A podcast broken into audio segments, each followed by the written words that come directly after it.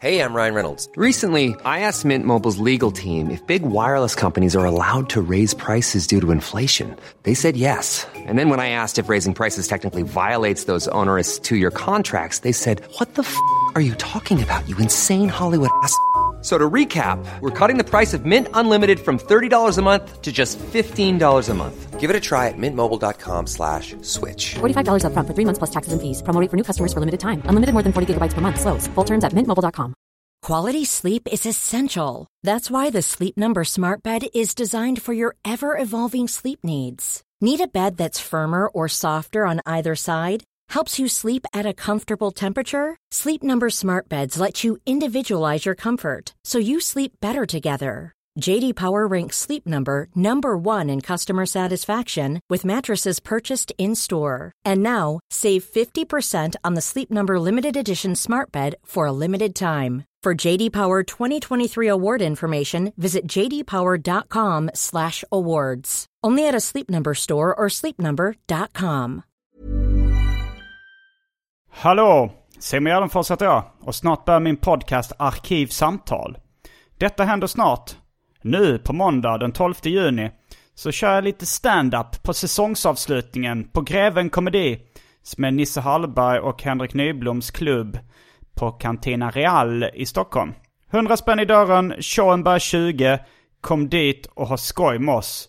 För er som vill lyssna på min stand-up hemifrån eller i mobiltelefonen så finns min första stand-up special En slapp timme på Spotify och iTunes. Sök efter En slapp timme. Ni får gärna stötta den här podden också, ekonomiskt, genom att bli avsnittsdonator på patreon.com arkivsamtal. Patreon.com arkivsamtal. Men om ni är fattiga eller bara känner för att lyssna gratis så kanske ni kan följa mig på Instagram som en fin gest. Där heter jag atgardenfors. Men nu kommer Arkivsamtal. Mycket nöje!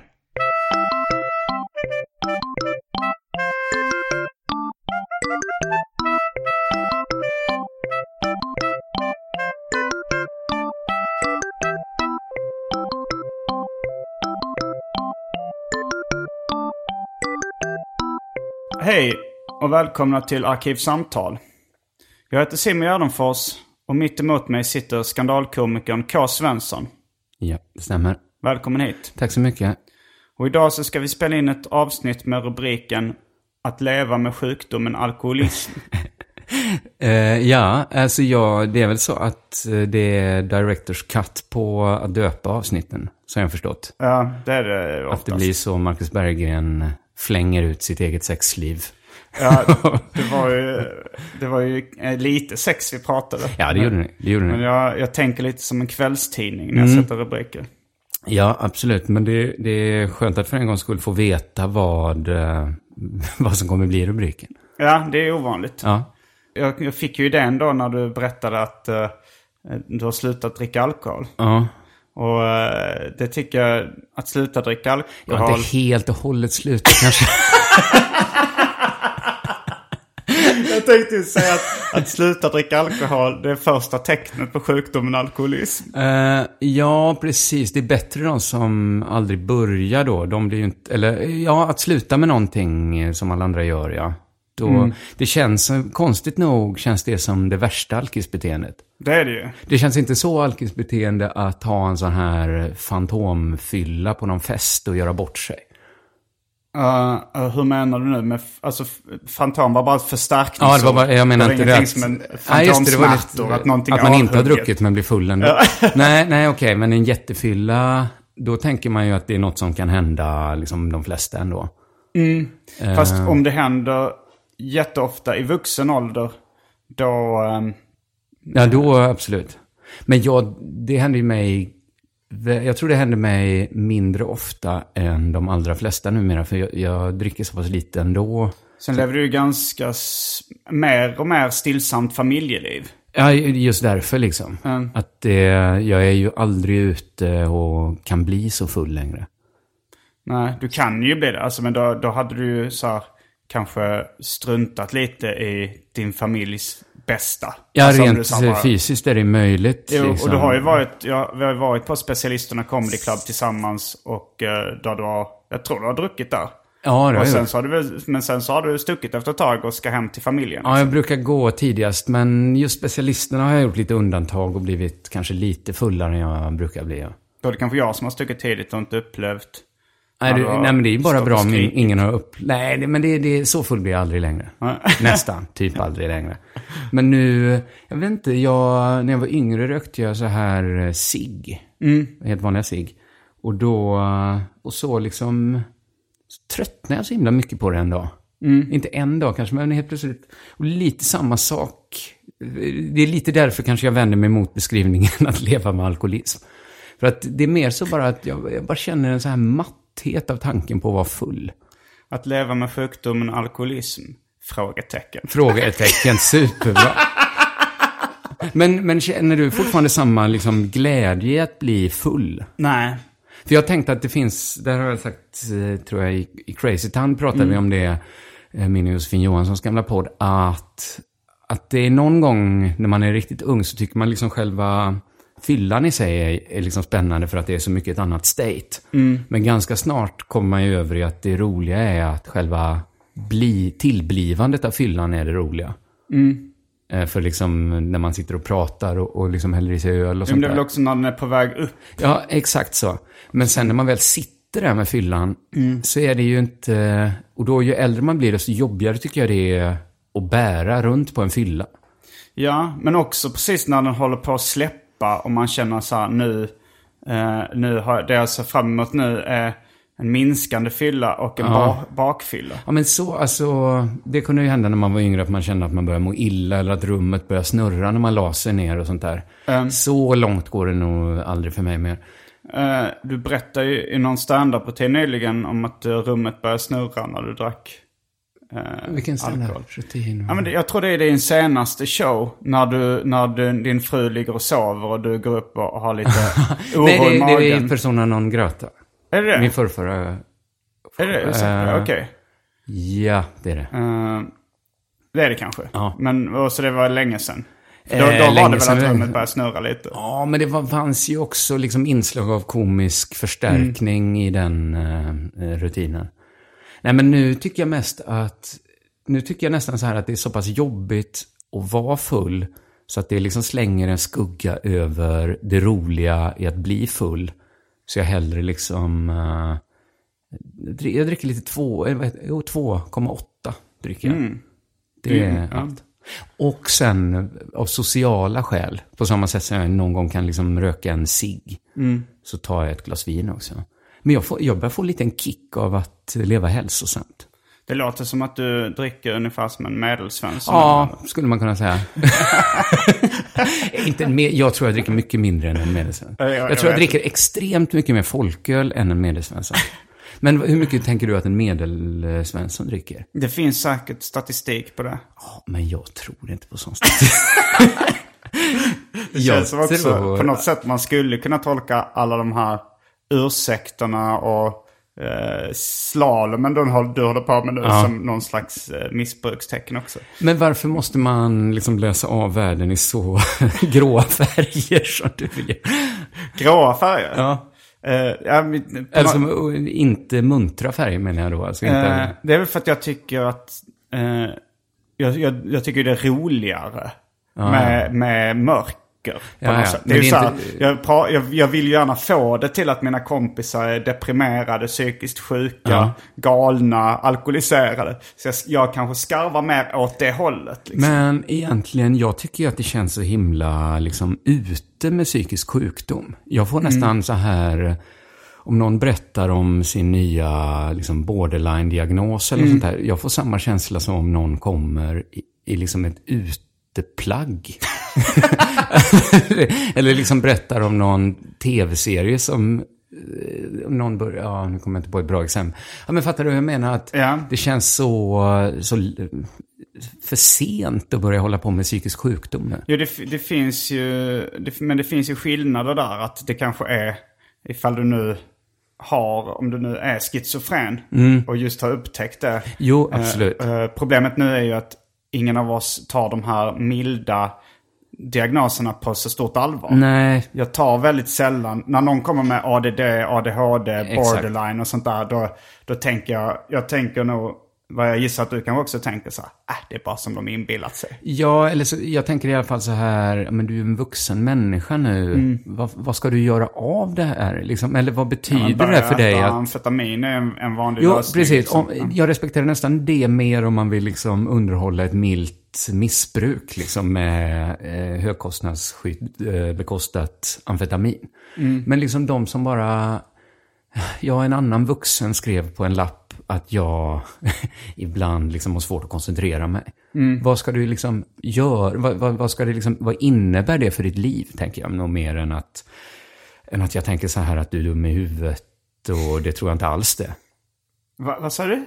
Ja, men, eh, men eh, jag, jag, jag misstror kanske inte deras diagnos. Jag bara Mm. undrar så här, vad, vad ska ni med det här alla vuxenfall som, som liksom kommer på liksom, hyfsat sent i livet att något inte står rätt till? Vad ska de göra med informationen? Ja, men det, är väl, det är väl då medicinering och terapi och sånt som kan, Ja. kan få hjälp med. Det- Precis, men, men- det men tycker jag- jag... också känns omodernt. Ja, eh, men sen är frågan om hur viktigt det är vad som är modernt eller inte. För i mitt liv är det ju uh, nog viktigare än psykisk hälsa. Jag är ju extremt mån om att vara modern. Är du det? Ja. På, eh, på vilka sätt? Ja, men jag har nog omformulerat lite vad målet med min stand-up ska vara. För att det är så luddigt att hålla på med sådär att jag ska vara den roligaste eller jag ska vara liksom den som flest älskar. Jag ska bara ha som mål att vara mest modern. Ja, det är ett väldigt roligt ord. Ja, jag tycker också, ja, men jag tänker att jag ska släppa en föreställning varje år nu i åtta år till då. Ja. Och då ska målet vara att den ska liksom vara mest, min senaste då, Force Majeure, ska vara liksom mest 2017 av alla föreställningar. Men det, då är problemet att man jobbar med eh, ett års framförhållning ju. Ja. Så att man måste, saker hinner ju bli omoderna. Jag jobbar nu med en föreställning som, eh, som jag direkt tänkte att den skulle heta Lifestyle. Jag döpte den någon gång i vintras. Börjar kännas omodernt direkt. Mm, det tycker jag också. Det bara Ja, känns det omodernt. gick jättefort. Så Vet nu... du vad min eh, nästa soloföreställning Nej. kommer heta? Vesslan. Ja, men det visste jag. Det tycker jag känns jättebra. Kanske inte just modernt, men tidlöst. Jag har nästan, eh, alltså jag, den kommer vara någon form av smygpremiär eller provföreställning på Lunds humorfestival Ja. i som, slutet av sommaren. Eh, kan ni köpa biljetter till redan nu. Men sen, så, sen kommer jag göra liksom en turné i eh, höst-vinter tänkte jag. Ja. Eh, och då jag börjar mer och mer luta att, att, att det slutgiltiga namnet kommer bli Vesslan. Jag tycker det är... Det är väldigt bra. Men också för Nästan att... alla har skrattat åt också. Men av det är- Från olika grupper. De som vet mycket om mig, de som inte vet någonting om mig. Ja. har, har sagt att min nästa föreställning ska heta Vesslan. Så nästan alla har börjat skratta. Men på något sätt, det, det går jättelätt i huvudet att liksom sätta namnet Vesslan på dig. ja, det är väl det som är. Ja, men det, det känns nästan som en sån föreställning där du skulle kunna iklä dig Vesslans roll.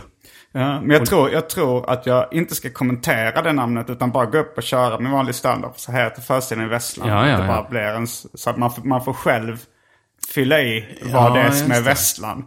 Istället Men- för att göra som Simon Svenssons Tuff, att han liksom gör ett halvhjärtat försök till att eh, förklara varför föreställningen heter Tuff. Ja. Eh, så, så här, halvhjärtat till hjärtat. Men ja, jag skulle nog säga, i min värld så går han nog... Jag tyckte nog att det var helhjärtat. Helhjärtat försök. Ja, men i alla fall mellan halvhjärtat och helhjärtat. Hjärtat. Hjärtat, ja. Det var ett hjärtat försök. Ja. Men du tänker då göra ett icke-hjärtat, Eh, jag tänker- ohjärtat? Jag tänker, ja, jag tänker eh, som en, en pretentiös konstskoleelev. Ja. Att betraktaren får själv det. bestämma. Men, vad, men du måste ju ändå ha tänkt så här, eh, man, man tänker ju ändå lite på vilka tänkbara tankar som kan hamna hos publiken. Mm. Alltså vilka konnotationer som finns kring ordet. Jo, men det, det är ju så här kanske en liten opålitlig Ja. typ. En hal individ. och, det, och det ligger inte hundra år från sanningen. Men kommer du... Det kommer inte det kommer heta... kanske framgå att det är min personlighet när man sett showen. Kommer du kunna hålla dig från att lägga in ett litet så hjälpord mellan, om det står så, eh, Simon Gärdenfors är Vesslan. Det har jag funderat på, Ja. men jag vet inte riktigt. Alltså, Gör Vesslan. Spelar Vesslan. Jag tänker på kanske lite reklamaffischer och sånt kan det stå Gärdenfors är Vesslan. Men jag Men vill jag att föreställningen tycker- bara ska heta Vesslan. Dina ska- pressbilder är ju helt givna att du ställer dig bakom en gardin med spetsiga skor som sticker fram. Ja men då blir det för tydlig koppling till Ville Vessla i, Ja, okej. i Ja, Tore okej. Sventon. Men inte ens om man ser så här en keps också bukta ut bakom. Jag får sätta en parentes kring den idén. Ja, Okej, jag ska inte spåna åt det heller. Eh, Men nu ska vi ehm, se ifall vem av oss, om någon av oss kan hålla oss från att dricka alkohol. Ja, För det har blivit dags för det omåttligt populära inslaget Välj drycken.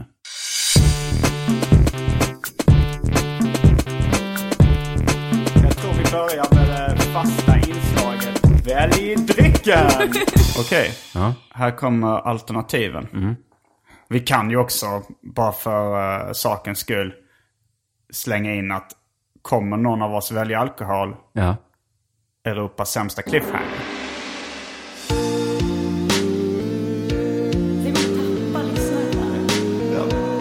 Europas sämsta cliffhanger.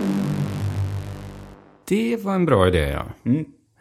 Så att det kommer nog avslöjas ganska snart. Ja. Inte i slutet av programmet. Eh, men här kommer alternativen. Fanta Zero. Gundelsprit med aprikossmak. Hawaii Gay Club. Den är tillbaks. Mander Pils. Energidryck i sex olika smaker och färger. Sen har vi eh, Energy Drink Currywurst Style. Sleepy Bulldog Pale Ale tror jag det är. Baileys. Äppelläsken Bar Appleade. Den ekologiska recovery-drycken Bloomy Drinks Power. Vad är det för något? Vad är en recovery-drink? Jag vet inte, jag fick, Efter träning den, jag kanske? fick den bara gratis i någon Ja, okej. påse där det även låg lite andra saker. Ja, jag förstår. Uh, nioårig Rosita. Häxan. Häxblandning av Ja, allt det, som just det. fanns i, i min kyl innan jag gjorde en corporate rebranding. Och för tråkmånsar och nejsägare, vatten. Ja, det är lite, jag lutar lite åt den här äppelläsken, ska jag säga. Bar Appleade. Mm. Ehm, ja, jag, jag kommer nog dricka Fanta Zero i så fall. Jag är inte så sugen på... Jag hade inte kunnat... Ifall du hade valt alkohol hade jag nog valt det också. Är det så? Ja. Men det fin- vi ska fortfarande ta oss härifrån till ditt kylskåp, så det, det kan förändras. Ja, cliffhangern är inte helt, eh, helt klar. Den är inte besvarad, så att Nej. säga. Då eh, är vi strax tillbaks med dryckerna. Kända från det omåttligt populära inslaget Välj drycken. Häng med!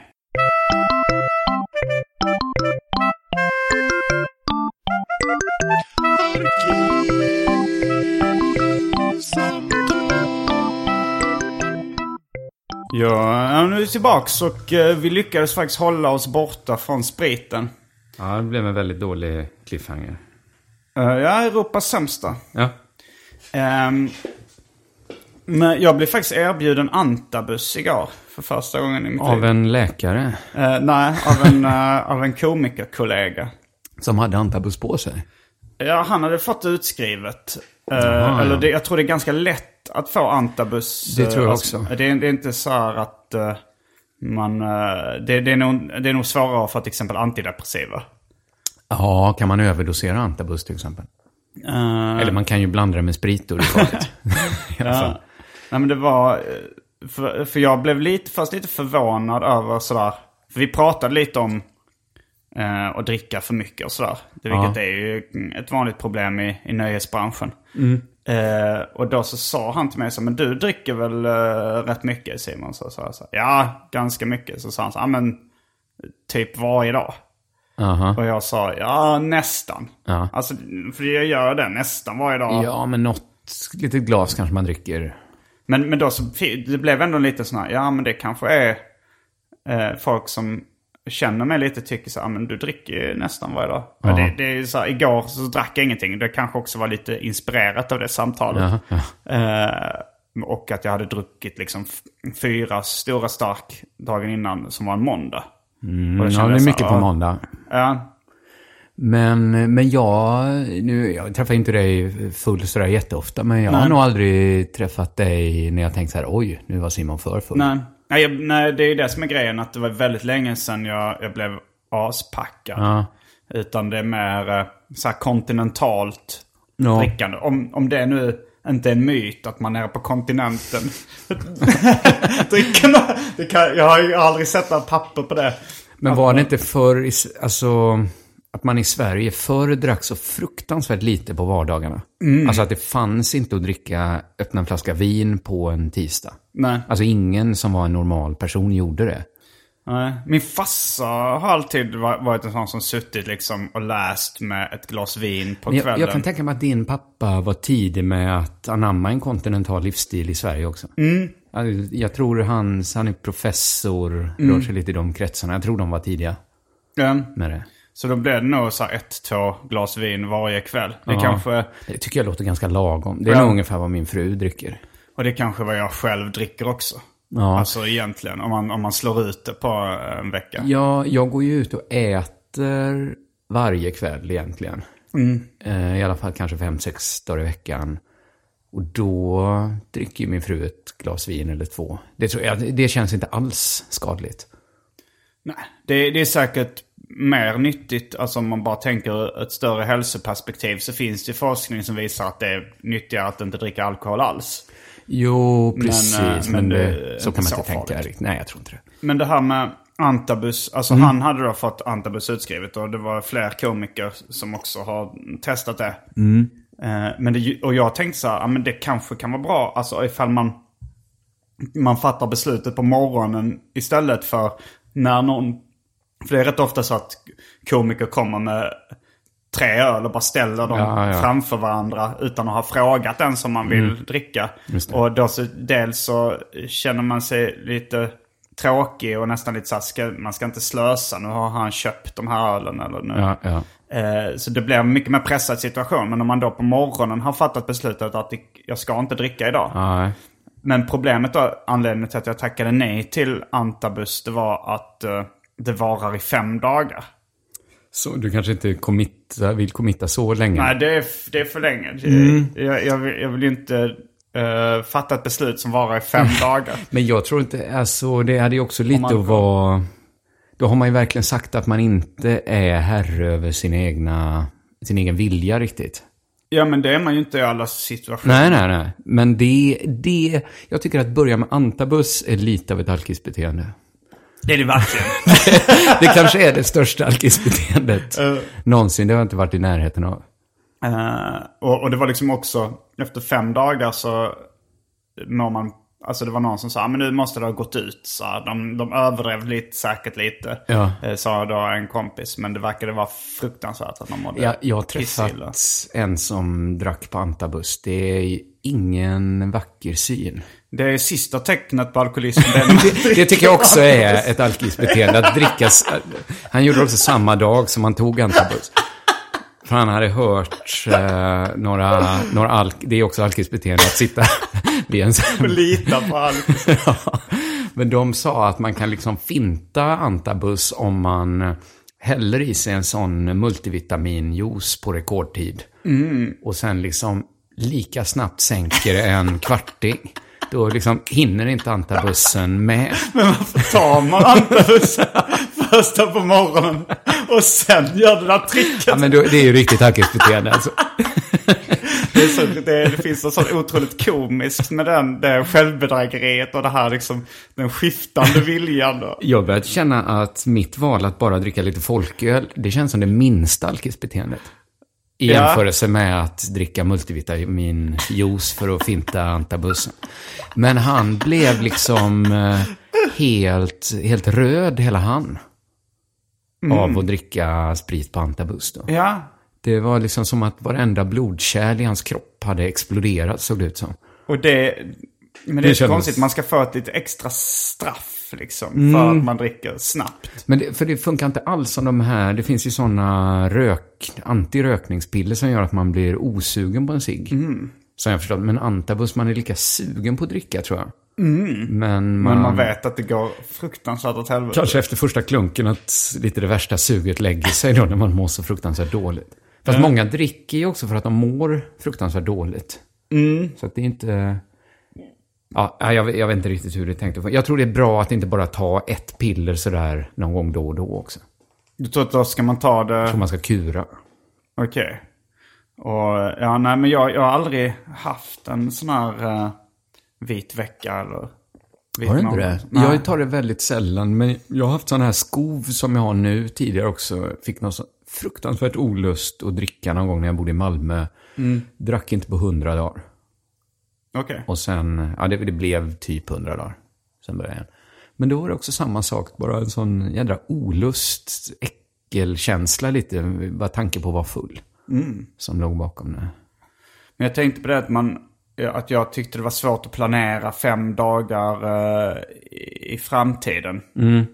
För jag är ju sån...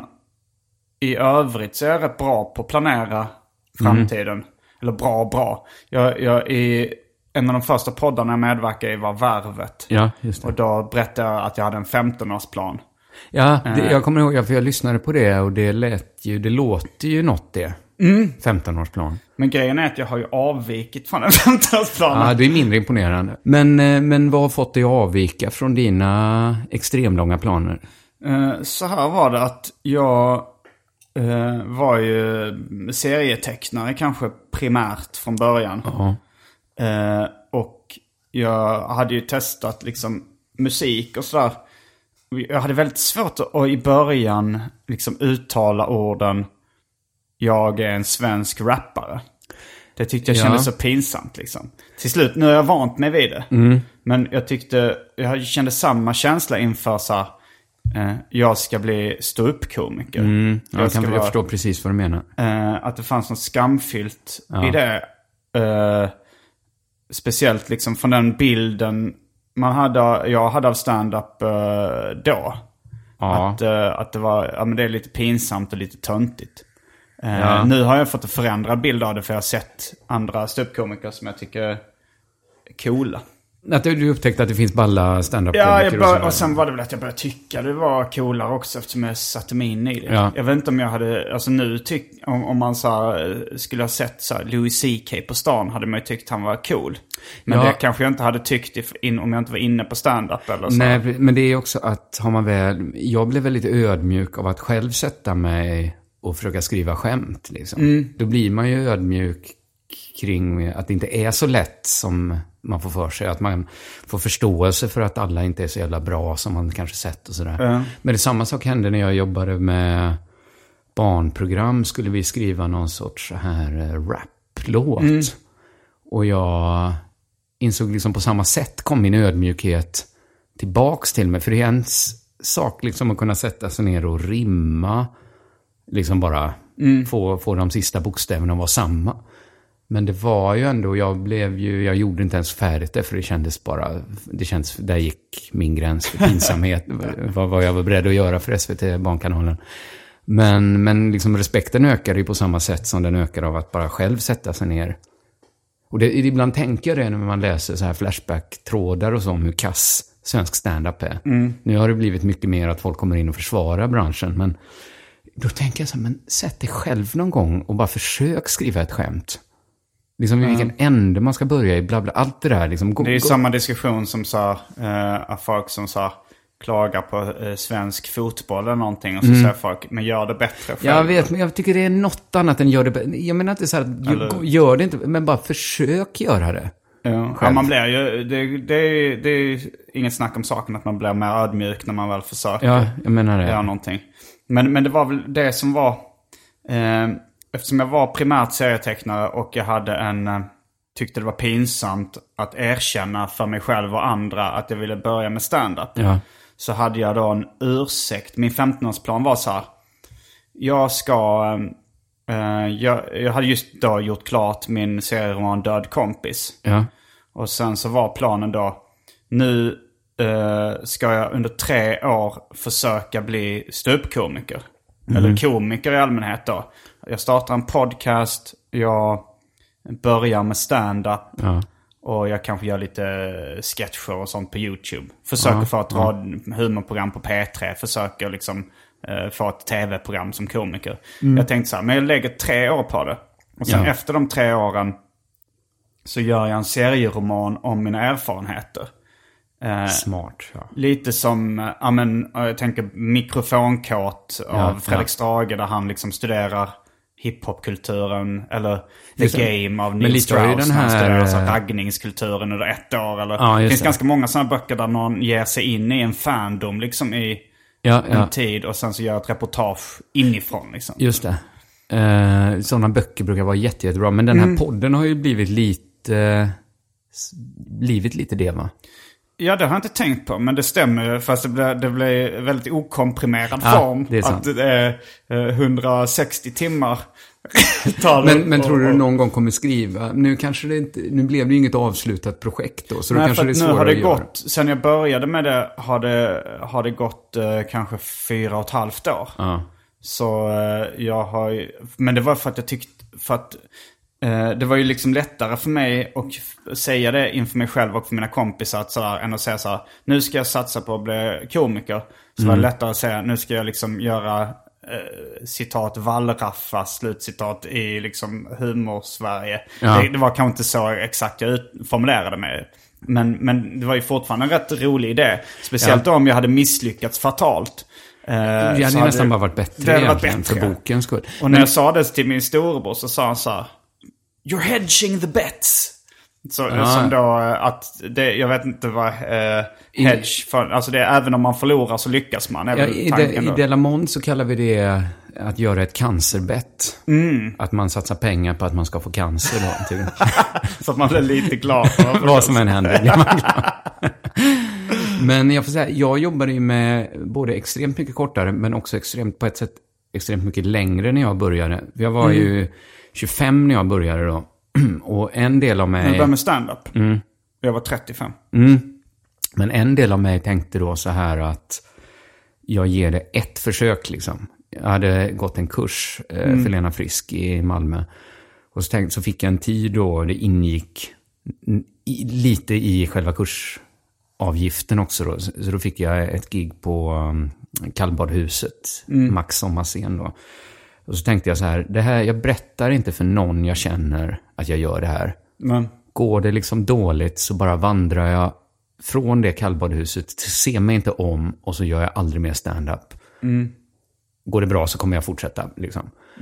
Eh, så det var ju liksom, jag gav mig inte tre år då, utan jag gav mig själv ett. jag tänkte, går det här Gig. dåligt så gör jag det här bara i tre år. Men sen tänkte jag liksom att, eh, jag hade ju inte planen då att jag skulle vara liksom färdig om det gigget funkade. Då gav jag mig själv mycket längre tid. Då tänkte jag så här, eh, jag ger mig själv liksom tio år på att öva nu. Mm, det är ju rätt länge. Det är ganska länge och dumt nog så är ju också väldigt mycket av övande inom eh, stand-up och humor är ju i totalskarpt läge. Det är helt omöjligt för publiken. Man kan ju inte säga alltid att det här är övning. Man kan Nej. ju inte säga att de två åren jag jobbade på Sveriges Radio, det var inte övning egentligen, men på något sätt... Har det gått tio år nu? Nej, ja, Hur det gammal har det är du nu? Jag har gjort, 35? nu är jag 36. Okej, så, Så har förra gått. året. Mm. Så då bestämde jag att efter jag fyllt liksom 35 så ska jag inte ha några liksom, projekt jag inte helt och hållet kan stå för.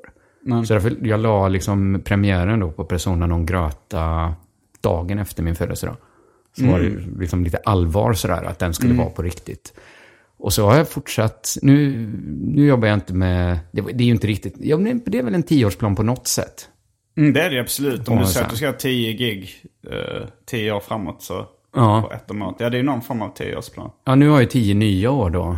Alltså tio års Ja, ja, träning, ja. tio års riktigt. Då när, när, allt, när jag inte kan skylla på något. Att jag, man kan ju inte, om man har övat i tio år på någonting så kan man inte säga att man är nybörjare. Eftersom man kan bli läkare på fem och ett halvt år eller vad det är. Ja. Men nu, nu tycker jag det är roligt igen. Stand-up är skönt för man egentligen inte behöver ha så mycket liksom, långa planer. Man kan ju egentligen bara tänka, jag ska skriva en ny rutin och sen ska jag skriva en ny rutin. Och en till och en till. Men nu, jag har jobbat i ett års tid nu med mitt projekt Harmony Studies. Som har blivit liksom eh, två säsonger ser jag det som. Så nu gick jag i mål med det ja, när vi spelar in i tisdags då. Det är ju ändå, eh, jag får säga det, saknar inte du det att, att jobba med, en seriebok tar väl i alla fall ett år och fram, alltså att det är ju en jädrigt skön känsla att ha sysslat med en, ett projekt i liksom ett års tid och sen bli färdig med det. Jo men det är så jag ser på mina stand-up specialer. Ja, det är så det gör. Ja. Ja. Att, och det är kanske därför jag jobbar så på det sättet med dem också. Att det är så här, eh, ja men jobba fram nya rutiner. Och när Ja. jag har en timme så turnerar jag med den, spelar in den och släpper den. Ja, det är ju så- nästan den uh, gängse gången egentligen. Ja, det, fast inte så många svenska generation- komiker som gör så. Alltså den äldre generationen. Adde Alltså, Malmberg har aldrig släppt en special. Nej, det är för att de, hela deras försörjning står och häng, faller på deras gamla skämt ju. Mm. Det var ju av, jag tyckte nästan det var den mest obegripliga delen av din intervju med Wahlbeck. Mm. Att han inte skriver nytt för att det var för folk som mjölkar svenne. Visst, visst är det väl totalt tvärtom? Att gamla skämt Ja, ja, ja. är för Men- folk som mjölkar svenne. Det fanns ju väldigt lite logik totalt i, i hans svar tyckte jag. Jo, men just det var nästan sällsynt frikopplat från ens liksom inre logik i meningen. Ja, där tyckte jag jag orkade inte bara ta Nej. det också. Liksom. Nej, jag tyckte du stod på det bra. Men, men det är ju rätt intressant när man inte gör det. Utan eh, när man... Har du sett... eh, Det finns en intervju med... Jag tror det är Louis CK som håller ett tal på George Carlins begravning. jag har inte sett. Eh, Men då berättar han att eh, det finns på YouTube. Och då berättar han då att eh, han lärdes, alltså George Carlin kanske var en av de första komikerna som jobbade på det sättet att han skrev en timme, turnerade med den, spelade in det, släppte det, skrotade allt materialet och skrev en ny timme. Just i Sverige var det väl typ Bettner som lanserade den arbetsmodellen. Han kanske började med det, hårt liksom i alla Ja. fall. Och då Louis CKs teori då är att då blir det bättre stand-up också. För att först så kanske man, den första timmen man gör, då, då är man bara ute efter eh, skratt. Liksom. Ja. Då skriver man eh, sitt flygplansmaterial i USA, kanske SJ-skämt i Sverige. Nej, men alla sådana här liksom, eh, ganska mycket vanliga, lite ytligare skämt. Ja. Och, när man, och sen så liksom när man slängt alla dem så blir, så enligt honom då så kommer det nästan naturligt att man börjar gräva mer bland sina rädslor och osäkerheter. För att få fram skämt. Och det blir liksom, man gräver mer på djupet. Ja. Ehm, och så lite har jag faktiskt märkt att, eh, jag vet inte, det kan ju också bli att det, det är en självuppfyllande profetia. Att jag har hört det och uh, börjar med, men nu, bara de senaste månaderna så har jag liksom verkligen börjat gräva mer i mina osäkerheter och Ja, ja, ja. rädslor och, sånt men-. Och jag känner att jag har kommit in i liksom en, ett andra flås i stand-up. Att nu så här, shit, där, och, eh, och att jag inte hela tiden behöver eh, jaga de högsta skratten. Nej. Utan jag kan, jag kan nöja mig med lite mindre skratt under vissa uppbyggningspartier för Ja. att berätta en historia. Eh, och det, det, det är så himla kul när man känner att det, man tar ett nytt steg. ja, precis. Hey, I'm Ryan Reynolds. Recently, I asked Mint Mobile's legal team if big wireless companies are allowed to raise prices due to inflation. They said yes. And then when I asked if raising prices technically violates those onerous two year contracts, they said, What the f are you talking about, you insane Hollywood ass? F- So to recap, we're cutting the price of Mint Unlimited from $30 a month to just $15 a month. Give it a try at mintmobile.com slash switch. $45 upfront for three months plus taxes and fees. Promo rate for new customers for limited time. Unlimited more than 40 gigabytes per month. Slows. Full terms at mintmobile.com. Ready to pop the question? The jewelers at BlueNile.com have got sparkle down to a science with beautiful lab grown diamonds worthy of your most brilliant moments. Their lab grown diamonds are independently graded and guaranteed identical to natural diamonds, and they're ready to ship to your door. Go to BlueNile.com and use promo code LISTEN to get $50 off your purchase of $500 or more. That's code LISTEN at BlueNile.com for $50 off. BlueNile.com code LISTEN. Life is full of what ifs. Some awesome, like what if AI could fold your laundry? And some, well, less awesome, like what if you have unexpected medical costs? United Healthcare can help get you covered with Health Protector Guard fixed indemnity insurance plans. They supplement your primary plan to help you manage out of pocket costs. No deductibles, no enrollment periods, and especially no more what ifs. Visit uh1.com to find the Health Protector Guard plan for you. För att det finns ju två delar. Det ena är ju att skriva och det andra är att uppträda liksom. Och uppträda, det, det är ju det är superbra att gigga mycket liksom. Men eh, när- det är ju när man skriver mycket som man till slut liksom, eh, liksom tar den typen av steg tror jag. För nu, jag har ju en situation nu när jag, jag kan liksom inte uppträda fyra gånger i veckan. Nej. Det finns ingen möjlighet och jag kan inte lämna Stockholm så ofta. Så jag, jag blir liksom ingen klubbkomiker alls. Då får jag kompensera det med att, att skriva mycket, mycket mer i förhållande till i alla fall. Jag kanske skriver som en vanlig komiker. Lite mer skulle jag tippa. Men du skulle kunna uppträda fyra gånger i veckan om du hade velat. Ja, om jag hade velat, men eh, då är problemet att jag inte vill det. För jag vill vara hemma med min familj liksom. Ja, men alltså jag menar fyra, ja i och för sig det är mycket, fyra kvällar i veckan att vara borta. Ja, jag tänkte, det- man bara hemma tre. Eh, Jag kanske giggar fyra gånger. Jag giggade nog förutom min... Ja, nu hade jag ju turné då också, så det var ju 13 gig. Men ja, jag kommer kanske ändå upp i en nästan... Ja, 17, 18 gig kanske den här eh, hösten då. Äh, våren menar jag. Men då, då, får, jag- då ser jag ju till att skriva så mycket som möjligt. Och jag har gjort samma erfarenhet, liksom att man, man kommer ju ner till något mycket bättre egentligen. När, man, eh, när man skriver mycket. Ja, jag märker också, det, det känns nästan som en, en konstnärsmytskliché. Men jag skriver, jag tycker att jag får fram bättre material desto mer problem jag har. Eh, ja, Eller så har det varit på sista tiden i alla fall. Men skriver du mycket? Jag skriver så sällan numera om... eh, mitt liv är ju ganska liksom... Uh, sen jag fick barn tycker jag det är så skönt. Som allra skönast är det om liksom inget händer egentligen. För då är allt ganska... Allt är på en ganska hög och bra nivå. Um, Det är också ett skäl till att liksom inte utsätta sig för osäkerhetsvariabler som att bli full en kväll.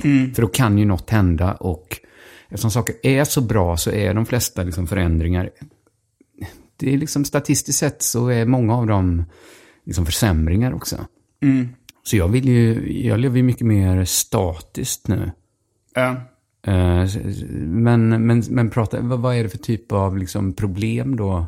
Nej men så här, relationsproblem eller uh, åldersnoja, alltså man krisar lite. Ja, rent, eh, man kri- om, man, om man är inne i en personlig kris. Alltså det är klart att jag tror att det, det är de här svängningarna som gör, eh, som, som är bra för kreativiteten. Ja, det, har, det. det har jag läst mig till också någonstans att nej men, vi, vissa kanske romantiserar eh, psykisk ohälsa eller depression Mm. för den kreativa processen.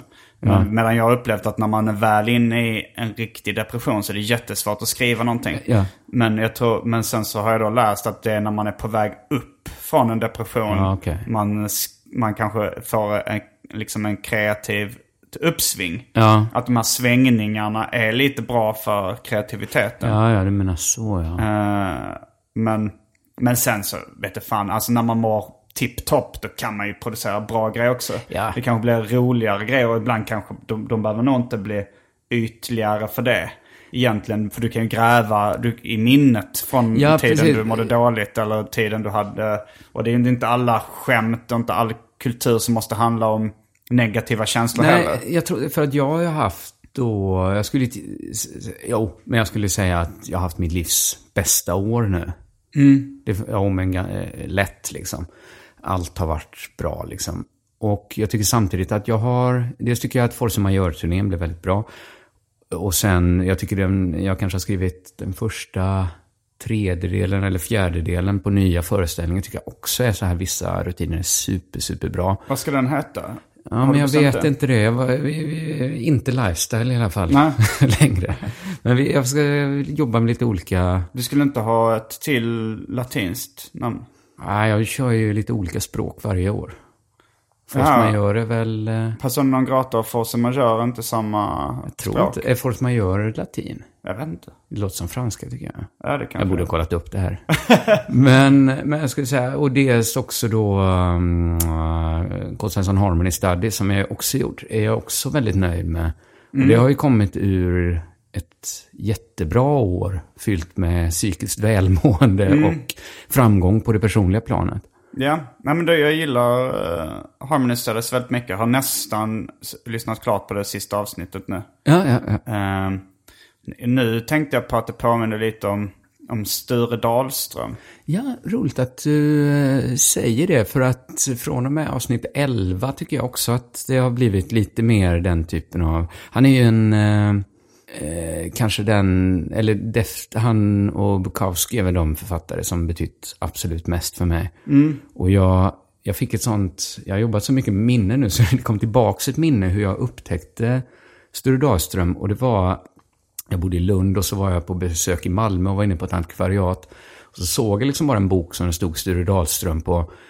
Och så just då var det ganska ovanligt att man hittade Stureböcker på antikvariat. Mm, men du För- visste inte vem det var då? Nej, men jag fick ett så här konstigt flashback flera år tidigare att jag hade sett Björn Runges dokumentär Vulkanmannen. Mm, ja, den gick på tv Den någon gick på gång runt millennieskiftet. Och jag kom liksom bara ihåg så här groteska, surrealistiska scener när han pratar om sin kuk och så här sitt släkts kukar.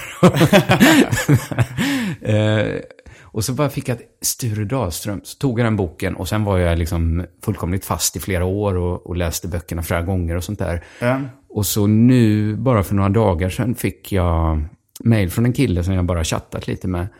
Som hade fått tag på Björn Runges dokumentär av Björn Runge själv. Och Jag den, kommer ihåg jag såg den på tv när den gick. Uh, den är ju extremt svår att få tag på idag. Är det? Ja, Ja. finns, det har inte funnits på internet. Den fann, det var något antikvariat som hade den på DVD. Mm. Men de blåste mig när jag hade fått över pengar Mm. till dem. Men så nu, Björn Runge la den i någon sorts eh, hotellreception och den här killen gick och hämtade den och sen fixade han en digital kopia till mig. Mm. Så jag, jag, om du vill kan jag skicka den. Ja, det skulle nog vara kul att se om den. Alltså, Mm. för, förra gången vi pratade om Harmony Studies så pratade vi kanske en del om Henrik Bromander. Mm. Men det började, jag och Bromander var, läste både jättemycket Sture Dahlström-böcker och Ja. liksom eh, mejlade till varandra. Och, Ja. och liksom och pratade mycket om det. Har du förresten läst, eh, den här, det finns en biografi om Sture Dahlström. Eh, Mats Keijets biografi. Ja, det, kan ju bara finnas en Sture Dahlström-biografi. Jag tror nästan det. jag, men, eh, jag köpte den på Larry's Corner. Det är en butik som ligger en stenkast från min lägenhet. Ja. Och jag tror han var kompis. Han kanske till och med hade, nu bara, jag tror att, att han här eh, som skrev Sture-biografin kanske startade någon verksamhet tillsammans med Larry Farber som har då Larry's Corner. Ja, okej, Men att de eh, kanske inte kom jättebra överens. Och han Nej. fick någon form av restupplaga av den där boken. För att det var så här, för när, för när, när jag köpte den då av Larry så var han så här, ja. Han verkade ha, vara lite så här, ja, ska du köpa den där? Du, vet att eh, allt som står den inte är sant. Ska du verkligen sälja den i så fall? Ja, han ville väl ha pengarna. Han hade väl, han hade väl kommit över någon låda. Så, men eh, men så, så, så försökte jag fråga honom om så här, på, på vilket sätt skulle det inte vara sant det som står i det. Då sa han så här, ja men eh, Sture Dahlström hade väl tydligen sagt till, eh, till han som skrev boken att tar du med, om du berättar det här i boken så kommer jag aldrig mer prata med dig. Aha. Och så hade han eh, vikit sig för det då. Alltså, Källa Larry Farber. Så att det var inte lögner, det var bara undanhållande av sanningen. Ja, det var, det var det som kom fram sen när, när jag pressade då Larry på vad det var som Ja, var ja, ja. sant i boken. Men jag får säga, just det här eh, snask och sånt kring Sture Dahlström är jag väldigt ointresserad av. Jag tycker nästan Mm. att det bästa, det är ju när det finns några böcker när han intervjuar sig själv som är väldigt bra. Mm. Eh, jag tror, om det är i Sture Dahlströms vulkanarkiv finns någon bok med. Ja, Mm. har du läst alla hans böcker eller? Eh, det har jag gjort, ja. Mm, det måste vara rätt många. Ja, det är nog nästan en 20 stycken. Och han lever inte längre, Sture Han Dahlström. dog för några år sedan och jag missade precis. Jag skulle ut eh, och hälsa på han men eh, missade med något år. Mm. Jag tyckte det var inte så mycket ståhej kring hans död. Eh, Nej, men han var ju inte han hade väl liksom lite heydays från slutet av 70-talet och in på 80-talet egentligen. Och så dog han någon gång på 2000-talet. Så att eh, han var väl... Alltså sen kom ju hans böcker i nytryckning då på 2000-talet på bakhåll. Men Ja, det var nog där, för Bakhåll ligger väl i Lund. Mm. Så det var där jag, eh, igen, Bakhålls böcker som jag läste. Men jag upplevde ju, mitt kompisgäng läste dem, men det var ju nog via mig. Annars Mm. kände jag aldrig av någon större Sture-hype. Ja, men på ett sätt känns det ju nästan klyschigt som så här ung kille att ha haft en Sture Ja, ja. Att ha Dahlström-period. Bukowski och Sture Dahlström är ju Väldigt. de två uh, ung man, ung arg man-kliché. Precis, men jag ju säga att jag hade fel om väldigt mycket i den åldern. Liksom. På liksom punkt efter punkt efter punkt kan man se mig göra fel. Men just så här valet av Sture och Bukowski var ju inte några av de felen. Ja, men det är en rätt rolig rekommendation också för lyssnarna som kanske är Det har eh, varit- mycket tonår. Jag tror när man är tonåring är det nog extra kul att läsa Sture Dahlström. Otroligt är det ju. Men det, ja, precis för att det hade varit kul om en generation till upptäckte Mm. Sture Dahlström. Undrar vilken bok som är bra att börja med. Alltså det är någon av dem som heter något med mannen. Vulkanmannen, eller Eh, Cyklonman. Cyklonmannen Cyklonmannen är- tyckte jag var jätterolig. Den, den store Blondino är är väldigt också bra. skoj. Den galopperande svensken är också väldigt bra. Mm. Eh, Gökmannen tycker jag också är väldigt bra. Men det är ju de, de tillhör den så kallade cyklonkvart, sextetten. Det finns Ah. sex böcker som är lite, vad heter de? Kattens skratt, tror jag. Tango för enbenta. Ja, just det. Jag vet inte riktigt hur jag hade... Hur de hade stått sig idag om jag hade läst dem vid 39 års ålder, någon bok. Nej, det, det är lite oroande. Det är lite den här Lex ge pappa alla Hasse och Tages eh, revyer på DVD. Att det kan vara att göra någon här, sig själv en otjänst och gå tillbaka. Men jag tror jag ska göra det ändå faktiskt. Ja, jag läste om för några års, ett par tre år sedan, Tredje scenen från solen. Som Ja. var liksom min tonårsfavorit. Den tyckte jag höll fortfarande. Var fortfarande Ja. jätterolig och bra. Ja, jag läste om lite Bukowski och det tycker jag också håller. Ja, vilka är dina favoritböcker av uh, Bukowski? Jag gillar eh, den som på svenska heter Min oskuld och Pearl Harbor. Tycker jag är väldigt fin. Ja, den kommer jag ihåg jag läste eh, när jag var tonår, tonåring också. Och när jag var oskuld. Ja, Och eh, jag, eh, men för han förlorar väl aldrig oskulden i boken? nej men jag Jag, kommer... jag, jag kommer ihåg att jag tänkte lite så här, nu kommer man få läsa om när han förlorar oskulden. Ja. Så, och på samtidigt så var det ju lite en besvikelse att man aldrig fick läsa det. Men, men också så, så var det lite skönt för att när jag sj- själv aldrig hade haft sex så var jag så avundsjuk på alla andra som Ja. hade haft sex. Jag hade Så då, jag kunde relatera till honom då hela boken ut. Precis. Det var jobbigt då tyckte jag att läsa eller ta del av någon som eh, förlorade oskulden tidigt bara. Så att Mm. Ja, ja. eh, nästan alla sådana, så att man liksom kollade ålder, liksom hur gamla är de? Mm. Eh, hur förhåller det här sig till mig? Men Ben Bukowski var det toppen för man kände så här, gud jag har några ytterligare år på mig. Plus att han sen, eh, när han slog igenom så här, eh, då, som ganska gammal Ja. och ful. Ja. Att han då eh, liksom frossade i sex på något sätt. Ja, den bokens eh, kvinnor är ju också väldigt bra. Eh, väldigt grisig.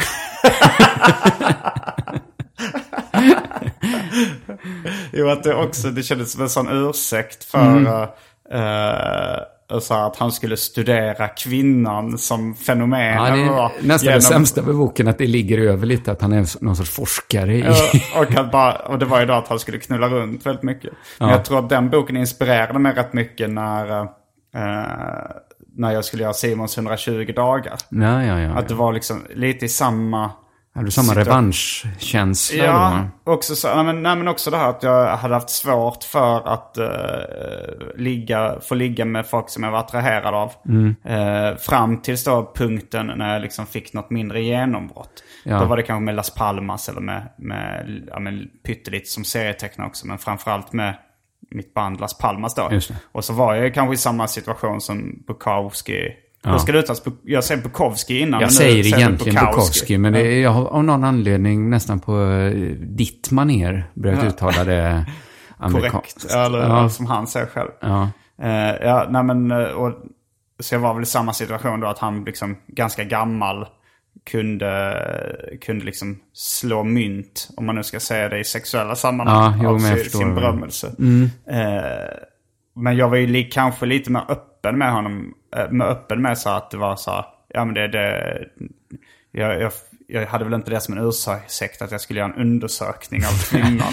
Nej, du hade istället att du skulle göra en resa genom Sverige. Sverige. Jo, men också i början så är det ju så här att, att jag säger så här en skildring av Sverige idag till då Mats Jonsson som är min förläggare och han säger så här för att få knulla. Och, det, och det är liksom underförstått att ja, Ja. Det, det är inte, jag, jag säger inte emot honom. Nej, men det, det tycker jag också eh, adderar något bra till, eh, till boken. Att, Att jag är ärlig med- Att du var ärlig och att du knullade i den. Jag tror inte det hade varit så spännande bara så här, nu ska vi se om det går att resa runt och bo hos folk. Aha, att, ja, men att, jo, det är klart att sex och droger är ju ofta saker som intresserar folk. Ja, ja. Eh, och det, det hade säkert kunnat... Jag, jag tänkte faktiskt på det när, jag- när jag hörde Harmony Studies. Ja. Att det är väldigt lite sexualitet. Alltså, van, alltså om man nu ska an- använda begrepp som vanlig sexualitet. Det är ju nästan bara det här med när det är perversa grejer. Ja, det, är så finns här- det här- nästan bara antingen är det perverst Ja, eller... för det, den här liksom huvudkaraktären som då är du. Ja. eh, verkar ju inte ha någon sexualdrift eller tänka på kärlek eller relationer. Eller, alltså om man så här, det, det är en massa andra viljor som finns inom den här eh, huvudpersonen. Ja. Som, som totalt dominerar. Men alltså så här, min vardag till vardags domineras rätt mycket av tankar på, tankar på liksom, kärlek, sex, relationer eh, och sådär. Och om Just jag inte det. är inne i en relation så är det liksom jakten på det.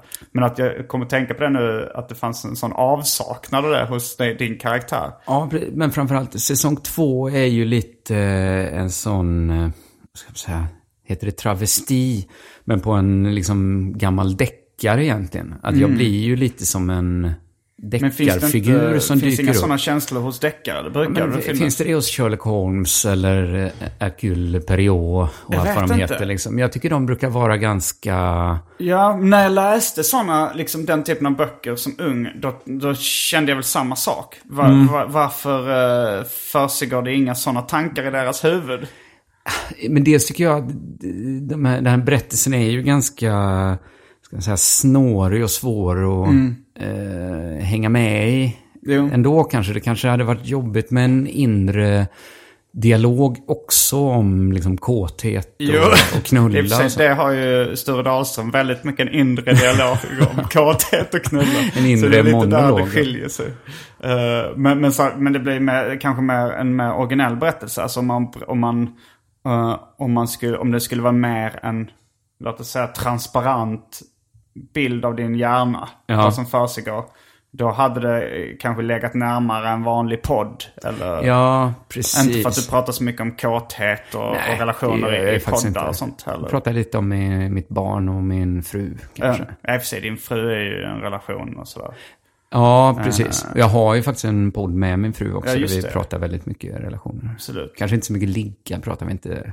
Nej, ni är för fina för det. Ja, vi är nog, jag, jag, det kan vara det faktiskt att jag eh, med åren har blivit lite för fin. Jag har städat bort ganska mycket snusk och sånt i min standup. det, jo, men det, du, det är mer snarare att du, du tar det åt det hållet med... Det är ju ändå så här någon som fingerpullar en höna.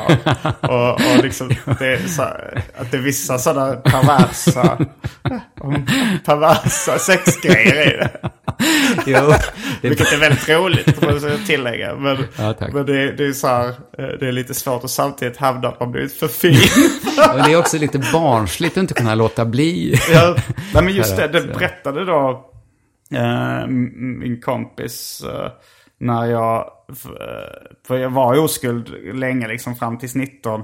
Mm. Och sen så efter det, då kunde jag prata om sex på ett mer naturligt sätt. Ja. Och han hävdade så att innan så var det mer så här knulla en get i röven-snack från Ja, min just sida. Att det var mer abstraherat och mer liksom ren fiktion. Ja. Eh, och mer perverst. Alltså, men det är ju lättare att skämta om knulla en get i röven när man är oskuld än, än att liksom, om man nu ska gå in på eh, van, vanligt sex. Ja, men så man det är är så patetiskt att, man inte har någon erfarenhet.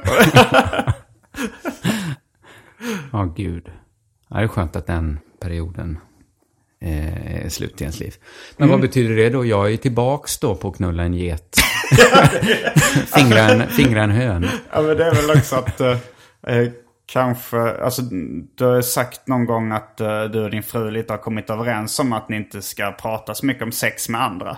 Ja, precis. Sånt, nej, precis. Så det, och, det, och överens då och kommit blev det så här, överens, men- på samma sätt som jag var nervös att prata om eh, eh, vanligt eh, sex med Ja, fattar. människor när, innan jag förlorade oskulden. Så, eh, så blev nu, nu får du samma nervositet att prata om den typen av Ja, sex. men i och för sig, och då för- blev det lättare med knulla en get i röven sex. Det hade ju kunnat vara en ganska naturlig sak att ha som någon sorts harmony story, någon oskuldsförlustbeskrivning då. eh, Till exempel. Men då har jag ju valt bort alla sådana grejer, för det känns lite fjantigt.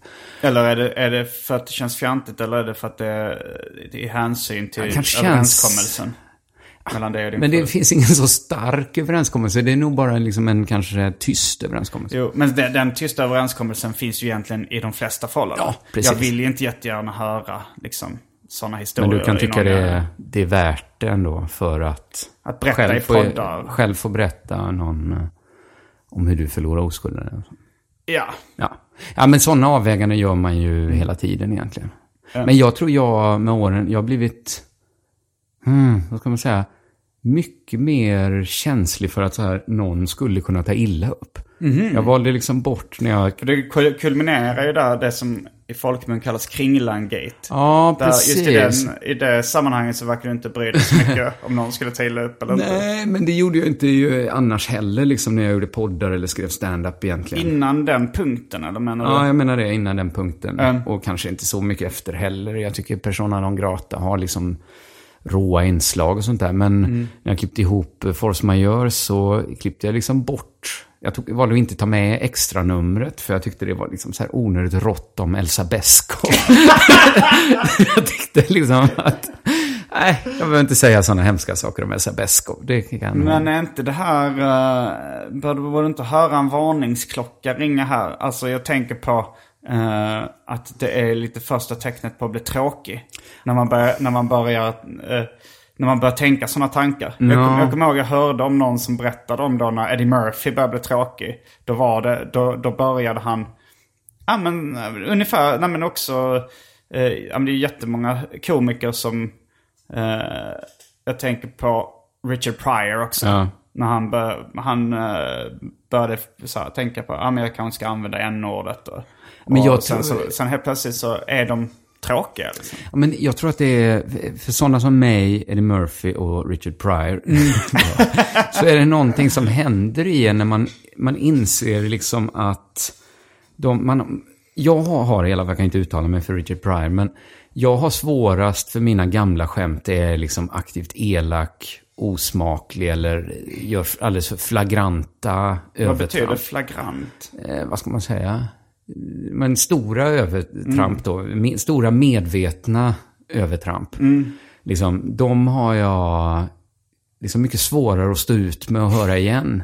Däremot snälla, roliga, små finurliga skämt har jag inga problem med att höra. Jag, jag tror ju att Force Majeure tyckte jag, jag var så glad efteråt, för jag kände så här, men här är inget som någon kan bli arg på, eller jag kan inte känna så här äckelkänslor över mig själv när jag lyssnar på detta om ett år. Jag tror inte det. Nej. Och så kändes det så himla mycket lättare att klippa ihop den. Och... Jo, det är klart att det är lättare att göra det. Men, eh, men jag har väl mer tänkt så här, ja, men jag, jag får stå ut med de där äckelkänslorna. Ja. För det kan jag absolut känna när jag kollar på gamla grejer. Men eller- varför ska du stå ut med... Man kan ju ge sig själv en present. Dagens För jag att det kan blir, jag ju tycker en... det blir bättre konst om man står ut med de där. För att det blir, det Fast blir jag större... tycker ju inte mina grejer har blivit bättre. Alltså jag tycker näst... Det Alltså- kanske är också att många av de absolut värsta grejerna jag har gjort... Är... Om de sa NWA's skiva Straight Outta Compton. Mm. Om de tagit bort det som folk kan ta illa upp över. Eller som Ja, men jag liksom- tror att det hade varit en bättre låt om de inte sköt att man, äh, sjöng att man skulle skjuta polisen. Det kan de inte tycka. Varför ska man skjuta Alltså polisen? fuck the police och, och sådär. Du, det, nu skojar du. Det är klart att Nej. det inte hade blivit bättre om de tar bort. Jag tror att de hade tyckt att den... Men tycker de verkligen inte vi ska ha några poliser? Eh, alltså om du skulle fråga dem idag. Så tror jag att de tycker det. Ja, på vilket Men sätt är det men är ju bättre ro- konst? Att det är bara ren liksom, det är ju rent poserande att säga faktapolis. Ja, ja men det, det, just, det blev ju en rolig låt och en rolig sk- skiva. Ja, alltså jag gillar uh, Niggas with Attitude. Absolut. Men jag, tror- tycker du jag det tror jag hade tyckt... hade jag, jag hade tyckt det varit mycket bättre om de inte sjöng faktapolis. Jo, jag tycker det. Försöker du bara vara speciell. Det är ett band jag älskar och respekterar. Men jag har lite svårt för den typen av texter faktiskt. Men jag tycker, jag har lyssnat så mycket på texter ändå. Så att, hade de sagt något annat så att det lät coolt.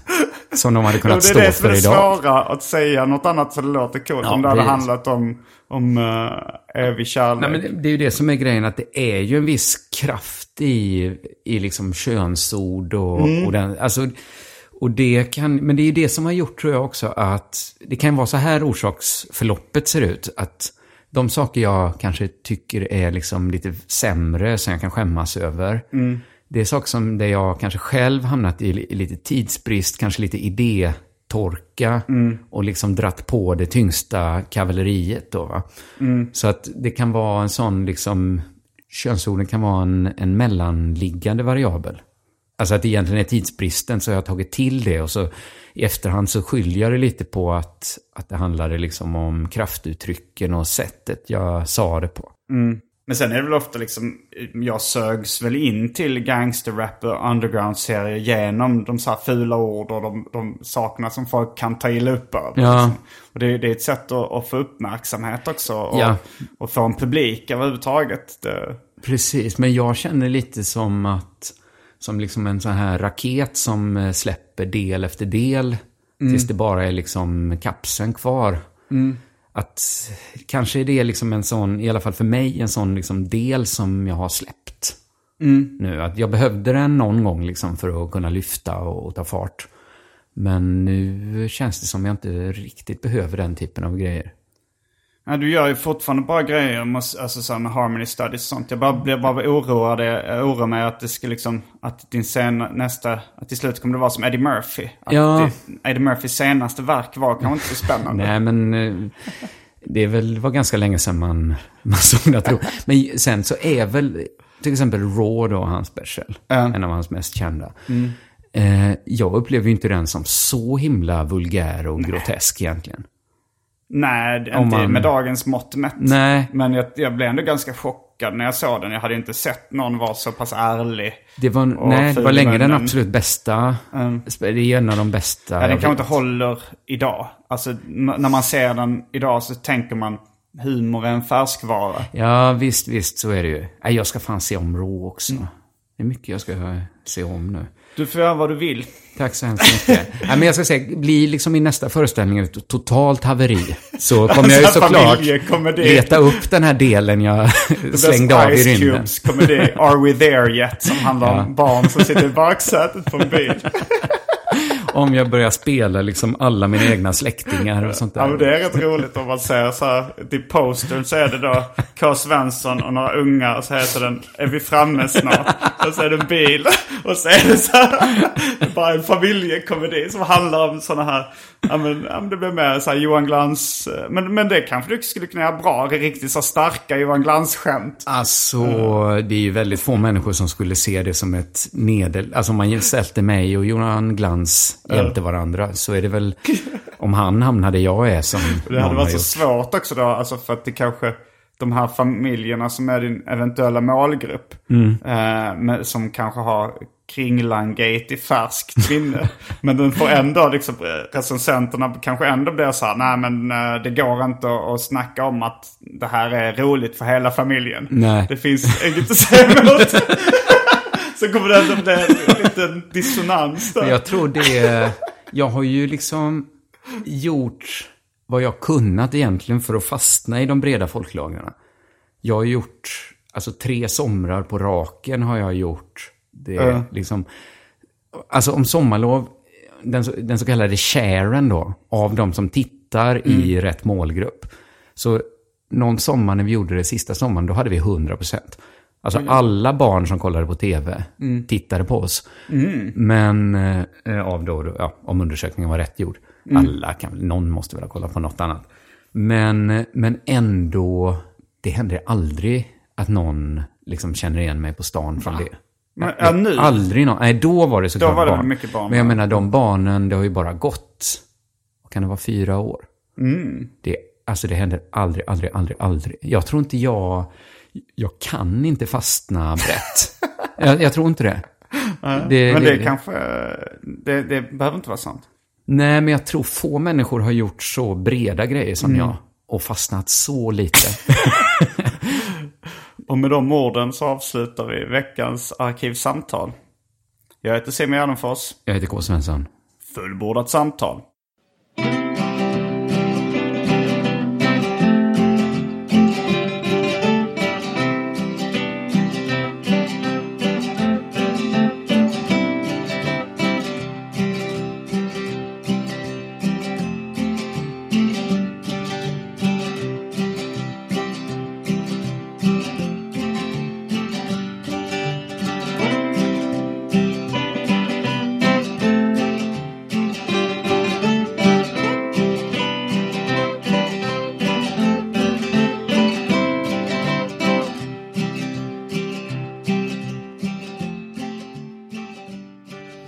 Tack också till min grymme klippare Marcus Blomgren. Följ honom på Sveriges minst uppskattade Instagramkonto, at Marcus Brumgren. Missa inte det. Mom deserves the best, and there's no better place to shop for Mother's Day than Whole Foods Market. They're your destination for unbeatable savings, from premium gifts to show-stopping flowers and irresistible desserts. Start by saving 33% with Prime on all body care and candles. Then get a 15-stem bunch of tulips for just $9.99 each with Prime. Round out Mom's menu with festive rosé, irresistible berry chantilly cake, and more special treats. Come celebrate Mother's Day at Whole Foods Market. Planning for your next trip? Elevate your travel style with Quince. Quince has all the jet setting essentials you'll want for your next getaway, like European linen, premium luggage options, buttery soft Italian leather bags, and so much more. And is all priced at 50 to 80% less than similar brands. Plus, Quince only works with factories that use safe and ethical manufacturing practices. Pack your bags with high-quality essentials you'll be wearing for vacations to come with Quince. Go to quince.com slash pack for free shipping and 365-day returns.